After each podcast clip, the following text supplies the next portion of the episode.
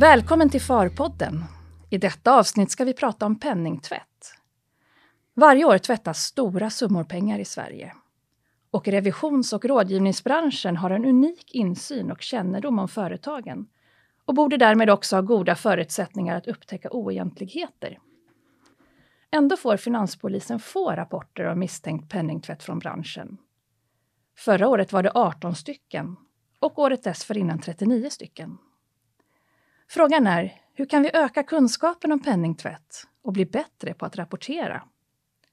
Om detta och en hel del annat ska vi prata om i den här podden. Och gäster idag är Magnus Karlsson från Finanspolisen och Mattias Gunnarsson från Länsstyrelsen i Västra Götaland. Varmt välkomna till Farpodden. Tack så mycket. Tack så mycket.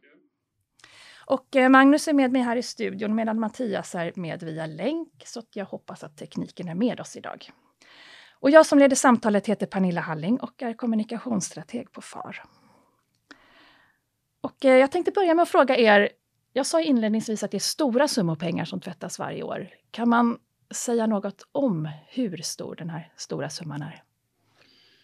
Ja, det är ju en liten svår fråga faktiskt för att det är ingen som vet det helt säkert. Eh, FN har gjort en uppskattning och det är att det är mellan 2 och 5 procent av världens BNP. Eh, och för Sveriges del då så var den siffran mellan 88 och 220 miljarder 2016. Eh, så det man kan konstatera det är ju att det handlar om otroligt mycket pengar. Ja. Kan jag tillägga där också att um, Finanspolisen får ju in cirka 20 000, lite över 20 000 rapporter har vi fått in dem per år då de senaste åren. Och det är ju miljardbelopp, men, eh, men det är ju mycket givetvis som, som inte rapporteras in. Det finns ju ett stort mörkertal här såklart. Mm. Det ligger ju lite i sakens natur att det finns ett mörkertal för att det är ju ingenting som man redovisar naturligtvis. Det är, det är svårt att göra den här typen av uppskattningar. Ja, nej, det kommer väl alltid finnas ett mörkertal, men kanske att man ska minska det så mycket som möjligt, tänker jag. Men all, all vinstdrivande brottslighet i princip är ju potentiellt då något som kan leda till penningtvätt. Då. Ja. Ni kommer ju från två olika mm, verksamheter men som samarbetar. Och eh, ni kanske skulle kunna berätta om, lite om era respektive roller. Vad gör Finanspolisen och vad gör Länsstyrelsen när det gäller att bekämpa penningtvätt? Finanspolisen är ju Sveriges så kallade FIU, då, Financial Intelligence Unit. Um, så vi har flera uppdrag egentligen, men det viktigaste uppdraget är att vi ska ta emot då alla rapporter från det vi kallar för verksamhetsutövare, då, det vill säga de som omfattas av eh, penningtvättsregelverket. Vi tar emot deras rapporter om misstänkta beteenden och transaktioner och vi bearbetar dem och eh, delger resultatet av våran analys. Det är vårt, vårt viktigaste och huvudsakliga uppdrag. Sen så samarbetar vi med andra aktörer, eh, till exempel tillsynsmyndigheterna som, som Länsstyrelsen. Vi har ett omfattande internationellt samarbete. Så. Mm. Mm. Mm. Och Länsstyrelsen är ju då tillsynsmyndighet för eh, ett antal av de här verksamhetsutövarna som omfattas av penningtvättslagen. Eh, och vårt uppdrag är ju då att se till så de verksamhetsutövarna har de rutiner och riktlinjer som krävs för att uppfylla penningtvättslagens krav. Eh, och det gör vi ju bland annat då genom tillsyn men också genom olika eh, informationsinsatser och, och det här är ju en del av det kan man ju säga. Mm. Där har ju vi också ett, eh, ett, ett uppdrag då att vi ska sprida kunskap då och återkoppla till verksamhetsutövare, hjälpa till med vägleda dem i deras monitorering då. Och det gör vi. Vi har bland annat lite regelbundna utskick som vi gör. Vi kallar FIPO informerar och vi deltar i seminarium och sådana här. Som den här podden exempelvis. Ja. Um, ni, ni pratar om någonting som man kallar för penningtvättsregimen. Vad är det för någonting?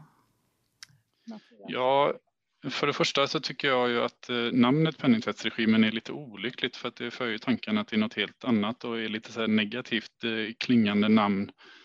Eh, men penningtvättsregimen är ju liksom alla som ingår i, i liksom vårt arbete mot penningtvätt och finansiering av terrorism i Sverige. Så det innefattar ju både myndigheter och verksamhetsutövare. Alla ingår i i regimen. Då.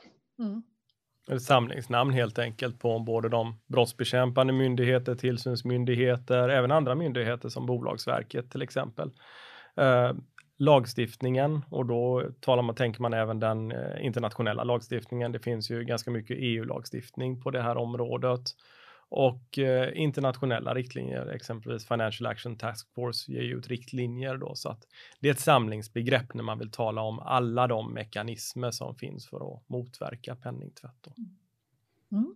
Och det, det, som är viktigt tycker jag att trycka på här det är ju att eh, alla verksamhetsutövare ingår i regimen och dessutom kanske har den allra viktigaste rollen i regimen eftersom det är de som är tänkta att liksom verkligen kunna se och upptäcka misstänkta beteenden och penningtvätt eh, mm. och rapportera till finanspolisen. Så det är jätteviktigt att liksom se det här som en, som en helhet. Liksom. Ja. Och verksamhetsutövarna är verkligen första försvarslinjen mot eh, penningtvätt i det här sammanhanget. Ja, och verksamhetsutövare det är det är det vi brukar kalla de som omfattas av penningtvättslagstiftningen då, så till exempel era medlemmar då, så att de som är rapporteringspliktiga enligt penningtvättslagen, exempelvis då, Folk som arbetar med bokföring, revisionsverksamhet och så vidare, banker, växlingskontor och så. Ja. Om vi ska gå tillbaka till själva begreppet penningtvätt. Um, kan ni ge några exempel på typfall av penningtvätt och hur ett upplägg kan se ut? Enkelt så handlar det ju egentligen om att du vill skilja ett brottsutbyte från själva brottet och sen så vill du istället då ge det här brottsutbytet en, en skenbart legitim källa då.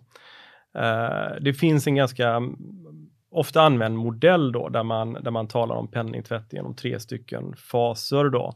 Det är dels då placering där man för in pengar i det finansiella systemet. Och det är skiktning där man, där man genom en serie transaktioner då försöker att skapa ett avstånd liksom. och sen integrering då där det, där det blir liksom en synbart legitim del då. Det är en ganska, ganska bra och användbar modell för att förstå det som sker.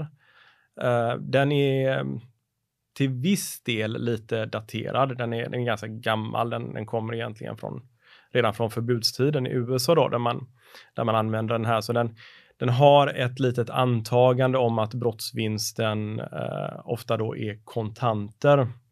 Men så, så ser det ju inte nödvändigtvis ut idag då. Idag kan det ju vara så att eh, ett, ett brott kanske härrör från någon form av bedrägeri så att det första man har, det är en kontobehållning och då är ju vanligtvis den första åtgärden att få ut pengarna från kontot, att faktiskt omvandla dem till kontanter istället då för att omöjliggöra en, en direkt koppling då. Uh, så det, det, det, finns inga sådär jättebra modeller skulle jag säga som passar på alla. Så jag brukar säga skilj brottet från brottsvinsten och sen ge, ge hela brottsvinsten en legitim synbar källa. Mm. Jag kan bara göra ett tillägg där också att eh, man kan också göra så kallad omvänd penningtvätt, då, alltså när man behöver svarta pengar för att kunna betala eh, svart arbetskraft. Så, så, så det förekommer också att man gör det tvärtom och det är ofta man, man glömmer bort den delen av penningtvätten. Mm. Nej, men det, det är vanligt förekommande då. Mm. Och där, det är också någonting där era medlemmar nog sitter i en väldigt bra situation, att, att, position för att kunna upptäcka det. Ja. Och vad skiljer då det, jag tänker när man upptäcker den andra penningtvätten och den här när man ska, när man ska få svarta pengar. Mm. Hur, hur, hur skiljer det sig när man upptäcker det, tänker jag? Behöver nog inte skilja sig eh, så mycket egentligen, utan det, det, handlar ju om att upptäcka transaktioner som är avvikande, som kanske inte riktigt um, ser naturliga ut i verksamheten då. Mm. Avvikande affärspartners eller så. Ganska vanligt sätt att föra ut pengar, det är ju genom exempelvis bluff eller fakturor då helt enkelt, så att man man eh, har en, en faktura som förklarar varför man gör en utbetalning till ett annat företag då.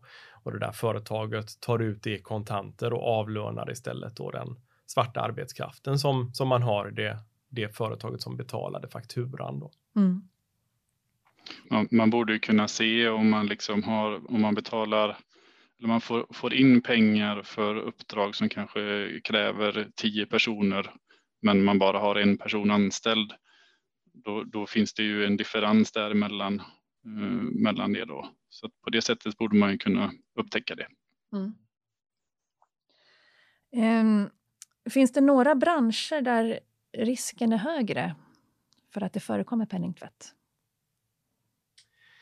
Ja, det gör det väl. Nu, vi har ju just uh, i april här publicerat nationella riskbedömningen då som både Mattias och jag varit inblandade i, i framtagandet av.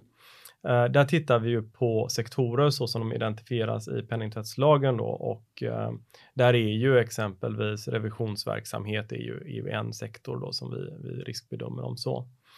Um, för, för era medlemmar när de gör sitt arbete, de sitter ju och de är ju rapporteringspliktiga och ska upptäcka penningtvätt hos sina kunder och de är ju givetvis inte uppdelade i, i den, de sektorerna på det sättet, utan det är ju det är företag, alla företag som, som finns i Sverige egentligen.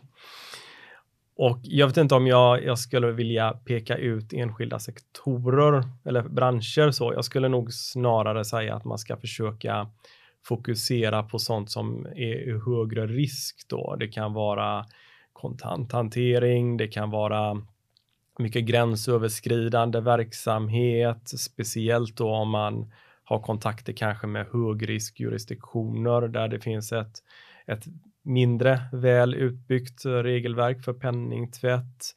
Ehm, den här typen av, av indikatorer skulle jag titta på. Mm. Um, du var lite inne på det här, men kan man, kan man sammanställa några typiska varningsflagg som man ska vara särskilt uppmärksam på generellt? Ja, man får ju titta på vad som är verksamhetsfrämmande. Här, här måste ju uh, era medlemmar använda sitt professionella kunnande helt enkelt och, och förstå då vad är det min kund har för verksamhet? Hur ser den ut och vad är det som skulle kunna avvika? Man kanske har en mycket högre kontanthantering. Man kanske har affärsrelationer som, som inte förefaller naturliga. Man kanske har, som Mattias var inne på tidigare, att man har få anställda till, till det jobb som ska utföras. Man kanske har en hög vinstmarginal. Ehm, det kan finnas poster som, som förefaller avvikande. Då. Ja, precis. Och det, det, är ju det som är kärnan i det här, liksom att kunna identifiera det som, som är annorlunda gentemot en normal kund. Liksom.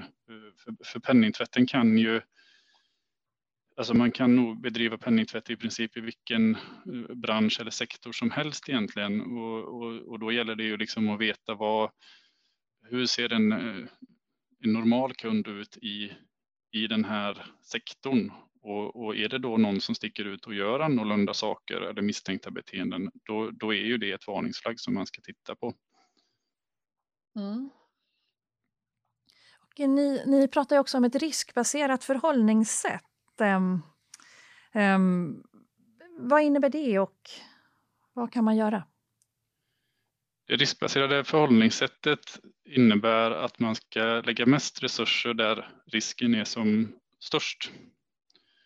Eh, och det låter ju väldigt enkelt, men, eh, men det kan vara svårt. Alltså det som man som verksamhetsutövare måste göra, det är ju först och främst att kartlägga vilka risker man har i sin verksamhet. Eh, och det finns alltid risker. Mm. Och, och liksom stapla upp alla, alla dem och utifrån dem då kunna identifiera vilken av de här olika riskerna är den största risken. Och det är där man ska lägga mest resurser för att, för att få ner den risken. Då. Och den här riskbedömningen, det, det görs ju två led så att säga. Dels så ska man ju då riskbedöma hela sin egna verksamhet så man förstår hur kan min verksamhet faktiskt användas som ett led i penningtvätt och vilka risker är, är verksamheten utsatt för? Och, och, det som styr här det är ju givetvis då vad för verksamhet man har och, och vad man erbjuder för produkter och tjänster och så. Eh, men sen ska man ju riskbedöma varje kund också. Eh, och Sen så den övervakning man, man gör, de åtgärder man vidtar, det ska ju reflekteras av vilken risknivå som man har då på tjänsten man erbjuder eller på kunden som man hanterar helt enkelt. Det är väldigt viktigt att de här två hänger ihop. Mm. Precis, och, och, om man ska ta ett konkret exempel som är lätt att förstå så om man har två kunder då varav den ena är inom varuhandeln och, och hanterar en hel del kontanter och den andra kunden är till exempel en myndighet. Eh, då ska man lägga mest resurser och göra mest omfattande åtgärder på den kunden inom varuhandeln. Då. Och det här riskbaserade förhållningssättet eh, det genomsyrar ju hela eh, regimen. Så i mitt arbete ska jag också, eller för Länsstyrelsens del, så ska vi lägga mest resurser där risken är som störst och samma sak gäller ju för FIPO. Mm. Um, vi har varit inne på våra olika yrkeskategorier och att de har en unik insyn i företagens verksamhet. Um, och att man kanske borde se saker och sådär. Men varför är det så låg rapporteringsgrad? Det är en jättebra fråga. Vi, ehm, vi ser ju det i, i en hel del verksamheter. Um, även de som har hög inrapportering, bank och finansieringssektorn står ju för exempelvis 75 procent av vår inrapportering, men även deras inrapportering uh, fokuserar ganska mycket på privatkunder, det, det är mindre rapportering på företagskunder då. Um, jag, tror, jag tror det finns väldigt många orsaker som spelar, spelar in här. Dels att det finns nog en eh, låg kunskap i vissa branscher om eh, vad man har för skyldigheter enligt penningtvättsregelverket. Man eh, förstår kanske inte riktigt hur låg misstankegraden är. Ehm, det är nog svårt när man är en kanske en liten verksamhet och har en ganska nära relation till kunden. Här tror jag att det blir en, en större tröskel rent mentalt att rapportera. Man vet inte riktigt vad det kan komma för konsekvenser och så. Nej. Och när du säger att det är låg eh, misstankegrad, det handlar alltså inte om en polisanmälan? Nej, precis. Och det, det är en viktig distinktion här, utan Eh, man ska övervaka vad, vad som sker hos kunden så att säga då i det, det som man, den tjänsten man tillhandahåller, exempelvis bokföring då. Och ser man sånt som är avvikande eller misstänkt, då ska man, då ska man utreda det på något sätt då. Och det kan vara att man ställer frågor om transaktionen till kunden eller så. Eh, eller att man kanske gör kontroller på motparten av en transaktion som verkar konstig då. Eh, och om misstanken kvarstår, då ska man, då ska man rapportera in det till Finanspolisen. Och eh, det är bara Finanspolisen som tar del av den här rapporten och det är en av anledningarna till att det är en låg misstankegrad. Det är just en hög sekretess eftersom det faktiskt är ganska låg, låg grad för att bli inrapporterad. Då. Mm. Så att om jag rapporterar in eh, misstanke om penningtvätt så är jag anonym.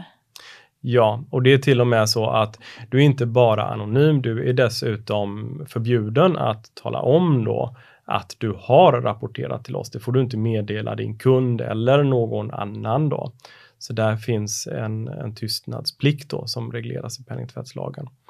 Och sedan så bearbetas den här informationen då inom Finanspolisen Uh, och om det är så att vi använder den här informationen och sprider den vidare till någon part, då kommer vi att ha avidentifierat varifrån informationen kom då. Uh, sen kan det ju vara så att det här det leder till en, en brottsutredning, en förundersökning och ett åtal. Och då är det klart att uh, där kan man ju bli kallad som vittne Kanske för att man faktiskt är den som har haft insyn i bokföring och så. Men, eh, men åklagaren som fattar det beslutet kommer ju inte att veta att den här rapporten ursprungligen kom då från bokföraren. Eh, bok. Så, att, um... så det finns med andra ord egentligen ingen risk att, kund, att min kund får veta att jag har rapporterat in? Nej. Nej. Och man får inte heller berätta det som sagt var. Nej. Jag har också fått till mig från verksamhetsutövare att man är rädd för att rapportera för man är rädd för att bli indragen liksom i själva penningtvättsutredningen och att man inte rapporterar av den anledningen. Och, och då tycker jag att man ska tänka tvärtom. Att, att man bör ju liksom göra en rapportering för att hålla sin egen rygg fri. Liksom, för då har man ju visat att man liksom inte är delaktig i penningtvätten. Så mm. att, eh, det är också viktigt att tänka på. Och, och då skulle jag också vilja veta vad, um, i och med att jag har vissa skyldigheter, vad händer om jag inte rapporterar? Misstanke om penningtvätt. Ja. Uh, alltså om man inte rapporterar så den, det, den största risken, och, och, den är väl kanske inte så stor egentligen, men, uh, men det är ju att man kan bli uh, åtalad för näringspenningtvätt. Då. Mm på för näringspenningtvätt så, så är det ju att, att man har liksom gjort ett klandervärt eh, risktagande. Alltså man behöver inte egentligen vara medveten om att det i själva verket var penningtvätt utan bara att du liksom inte har gjort eh, det du ska enligt penningtvättslagen till exempel och inte rapporterat och, och liksom inte ställt några frågor eh, utan låtit liksom pengar flöda genom din verksamhet. Då riskerar du att bli åtalad för näringspenningtvätt. Mm.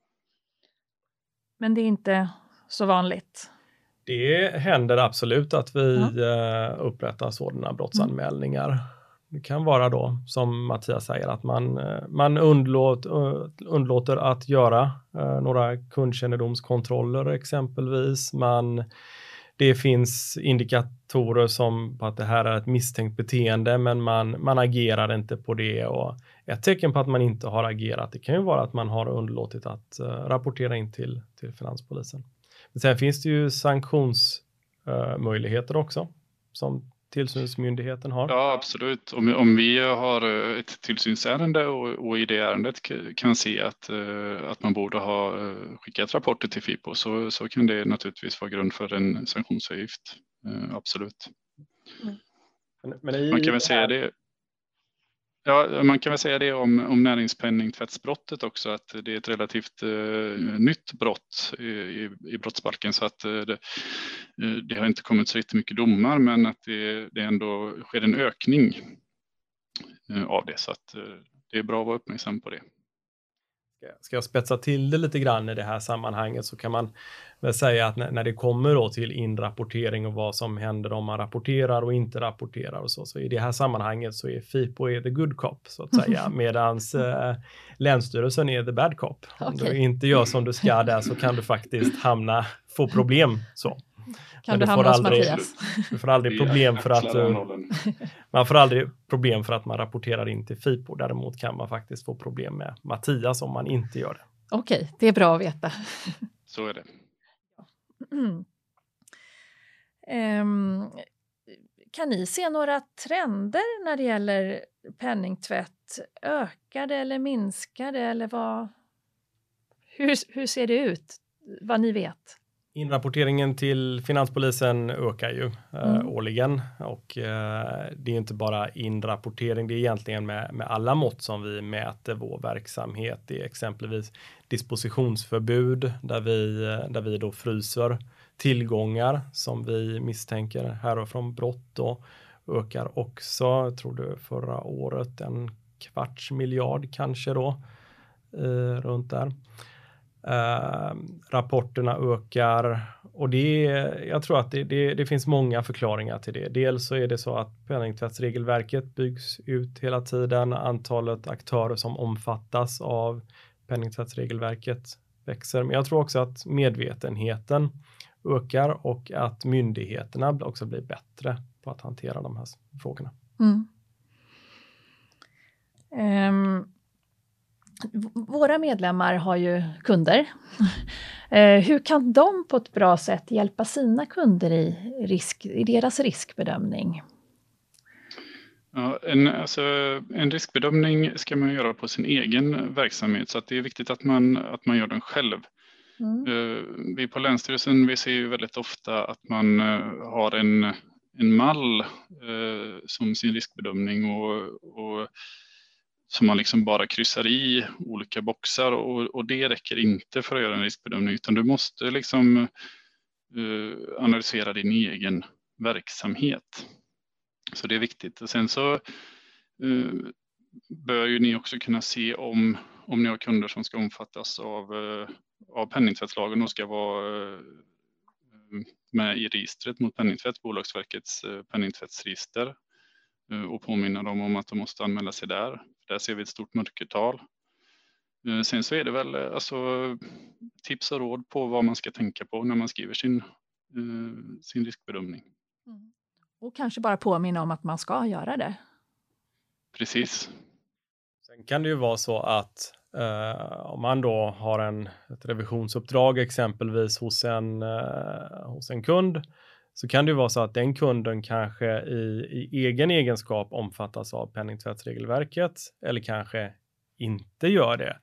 Uh, och det, det, kan ju också påverka givetvis om du har en kund som kanske då um, någon form av varuhandel så, så kanske du ser att de säljer för kontanter och de har en ganska stor kontantomsättning. Då kan det ju vara, vara ett läge att fråga hur de hanterar den risken då, för då här kommer det in kontanter, har de gjort id-kontroller, ställer de liksom kundkännedomsfrågor eller, eller är det pengar som bara kommer in i företaget och sen räknas upp då hos någon som tillhandahåller den tjänsten.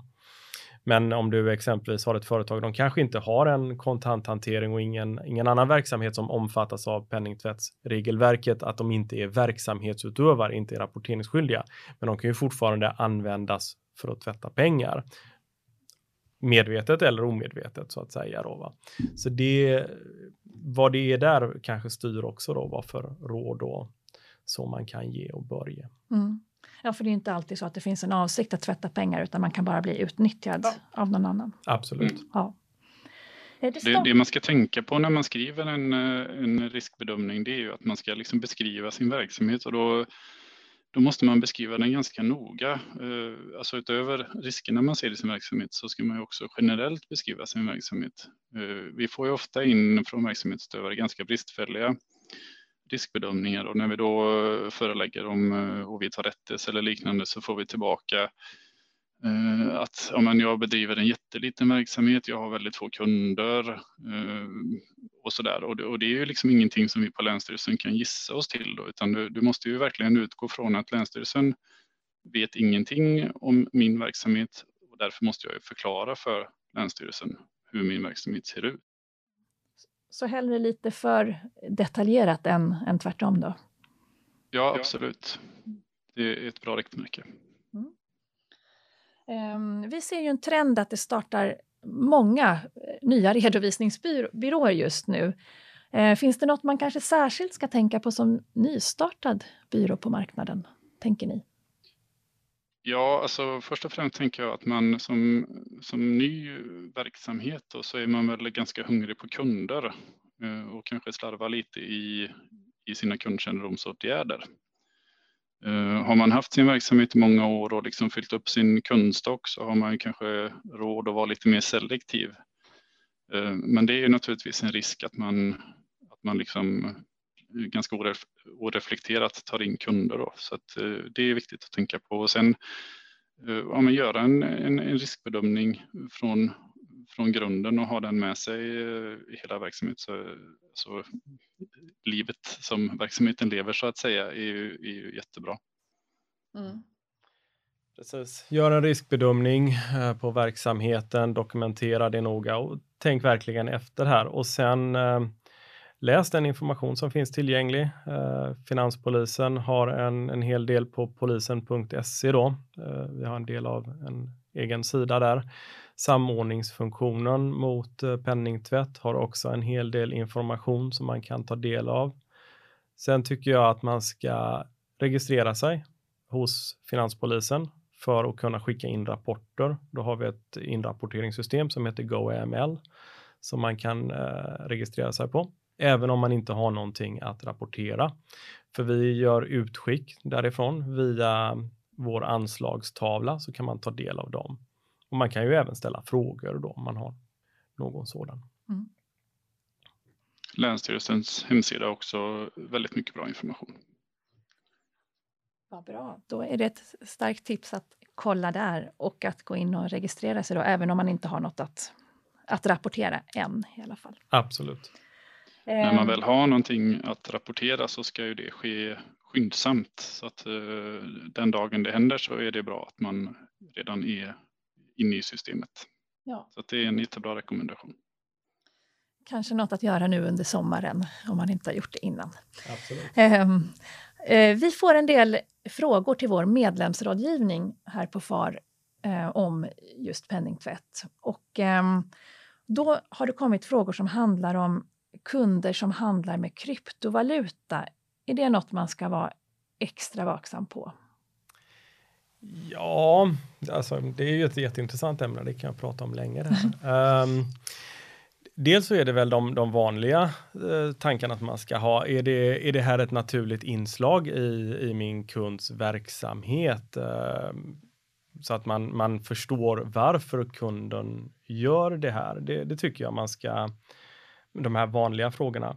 Sen ehm, Sen så får man ju göra de här vanliga kontrollerna. Var, var kommer kryptovalutorna ifrån? Är det så att kunden exempelvis har köpt dem hos en registrerad eh, kryptomäklare så att säga som är verksam i Sverige som man vet då den här verksamhetsutövaren eh, följer liksom penningtvättsregelverket, gör kundkännedomskontroller, efterfråga då proof of fund som det kallas för att de faktiskt var pengarna eller kryptovalutan kommer ifrån. Eller, eller är det så att ens kund har, har köpt in det här av, av någon person som är verksam på den ganska stora oreglerade eh, marknaden i Sverige som vi dessutom pekar ut som en särskild risk då i, i NRA. Det är ju en, en jättevarningsflagga för i så fall så köper de ju hos någon som inte gör kundkännedomskontroller, inte rapporterar in till finanspolisen. Man kanske går utomlands och köper och säljer kryptovalutorna. Var, var går man då? Väljer man att gå till någon stor etablerad som har, har ett gott eh, renommé och rykte om att faktiskt ta de här frågorna på allvar? Eller, eller väljer man en, en börs som är vad vet jag, sitter på någon eh, söderhavsö utan någon eh, rapporteringsplikt någonstans nästan. Så det, det, är de här frågorna som jag tycker man, man måste titta på. Och sen som sagt var, du ska ju lite förstå din kunds verksamhet också så att eh, det är nog bra att läsa på lite grann. Eh, och sen mm. de vanliga frågorna, var, var kommer de här pengarna från? Kan man eh, visa, det är en ganska vanlig förklaring ska jag säga, att jag köpte kryptovalutor för länge sedan och nu säljer jag det med jättestor vinst och så, så har man liksom gett en förklaring då till, till var de här pengarna kommer ifrån. Men det, det kan ju vara det där som vi talade om tidigare, att ge en brottsvinst ett legitimt ursprung. Då. Mm. Du pratade om att, läsa på om det här och jag fick faktiskt i, idag precis innan vårt möte här så damp det ner i min mailbox en, eh, en rapport om eh, kryptovaluta och penningtvätt från Skatteverket. Eh, så jag har inte hunnit läsa den, men jag tror att den kan vara väldigt intressant och informativ. Mm. Lite tips. Det finns ju en annan aspekt av det här också som jag kan ta upp. Um, och det är ju om man har en kund som väljer att ta betalt i kryptovalutor. Det här, det här är ju lite intressant. Vi har ju handel då med varor mot kontantbetalning. Det omfattas ju av penningtvättsregelverket. Och anledningen är att eh, man ska ha någon form av kontroll när, när någon då gör ett köp som annars är anonymt. Liksom. Så en, en handlare som säljer någonting för eh, 100 000 och väljer att ta betalt via faktura eller via kreditkort är inte rapporteringspliktig för det finns en annan verksamhetsutövare, en bank eller liknande som kan monitorera och rapportera om det är något, något konstigt. Så då har inte handlaren en rapporteringsplikt. Men väljer handlaren då att ta betalt i kontanter så blir det en rapporteringsplikt just därför att det är bara handlaren som kan göra den här kontrollen. Um, om det finns en rapporteringsplikt där man väljer att använda kryptovalutor som betalningsmedel, det skulle jag säga att det väl inte finns då, utan den här rapporteringsskyldigheten den finns när man köper och säljer eller förvaltar eh, liknande då inte när man väljer att hantera det som ett betalningsmedel. Um, och där är, är ju någonting man kanske ska vara vaksam på om du har en kund då som tar emot mycket kryptovalutor från olika kunder och säger att det är betalning för en tjänst eller en vara.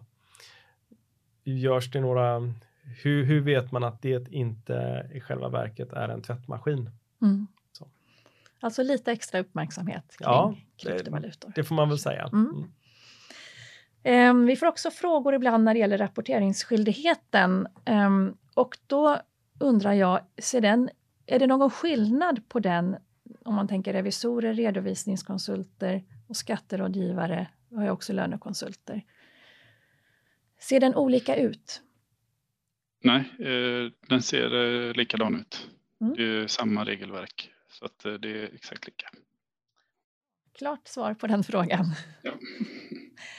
um, och sen har vi Eh, en annan fråga som vi också ganska ofta får och det är om det finns misstanke om penningtvätt och jag gör en anmälan, måste jag då avgå från mitt uppdrag?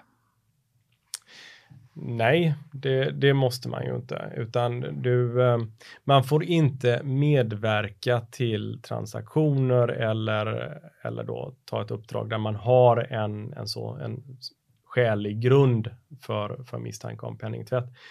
Men det finns också då ett undantag att man, man behöver inte eh, vägra att medverka om det är så att man, det här kan antas eh, försvåra en utredning exempelvis då.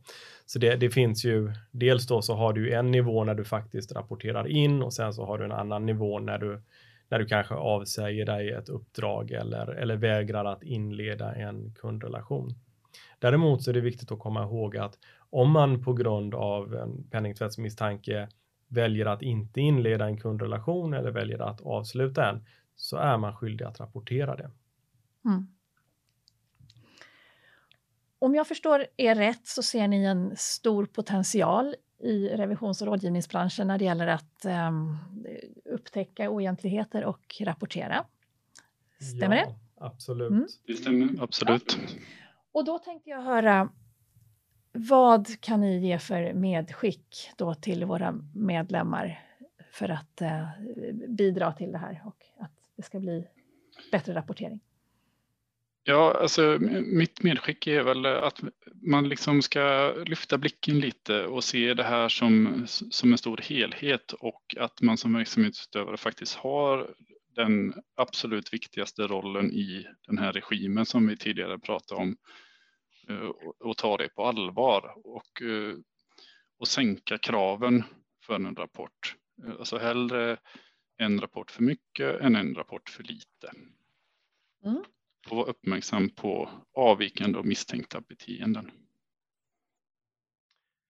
Jag kan tillägga, jag, jag, nämnde tidigare att vi har vår största inrapportering är, är från bank och finansieringssektorn och att den är, fokuserar ganska mycket på privatkunder. Det är ju så att om man ska tvätta stora summor pengar, då sker det i företag. Eh, det finns begränsat med, med pengar man kan tvätta på ett privat konto. Och eh, när det kommer då till den här typen av monitorering och övervakning som, som bankerna har så bygger ju den väldigt mycket på en automatisk monitorering eh, där man analyserar vad som sker på kontot. Eh, och det, det funkar nog ganska bra skulle jag säga på just privatkonton. Det kvittar liksom om man bor i, i slott eller koja så att säga. Det, det är ändå så att du kommer att ha en viss inkomst, du kommer att ha utgifter. Ehm, det kanske inte kommer vara jättemycket transaktioner till andra jurisdiktioner, viss liksom omsättning och så vidare. Men när det kommer till företag så är det mycket, det är mycket svårare att göra en analys så utifrån bara vad som sker på kontot. Ehm, jag som analytiker tänker då alltså att man, man behöver andra datapunkter här och det, det kan vara det kan vara lite mer så att säga hårda datapunkter, vilka som sitter i styrelsen, vilka som är hur um, omsättningen såg ut, uh, som, som du behöver hämta in från annat håll då, vilket inte alltid är lätt att göra i en automatisk monitorering. Men det kan också vara ganska så att säga mjuka datapunkter där du förstår vad kunden håller på med och verksamheten och så. Och, och här tror jag att, att era medlemmar är de som har absolut störst potential, för de, de förstår sina kunders verksamhet. Det är de som har möjlighet att upptäcka det här som eh, inte skulle upptäckas i en automatisk monitorering, eh, men som man faktiskt då kan reagera på att det här avviker ändå från vad som man kan förvänta sig. Varför gör det här företaget en transaktion till den här jurisdiktionen eller varför har de en sådan här vinstnivå när alla andra har en lägre vinstnivå och så vidare. Liksom. Och de orden får avsluta den här podden. Tack Magnus och Mattias för att ni har berättat om hur ni jobbar och hur man bör agera om man upptäcker något som skulle kunna vara ett tecken på att det förekommer penningtvätt. Och förhoppningsvis kanske det kommer fler rapporter från revisions och rådgivningsbranschen framöver. Tack så mycket. Tack själv. Tack själv. Och tack du som har lyssnat. Tack.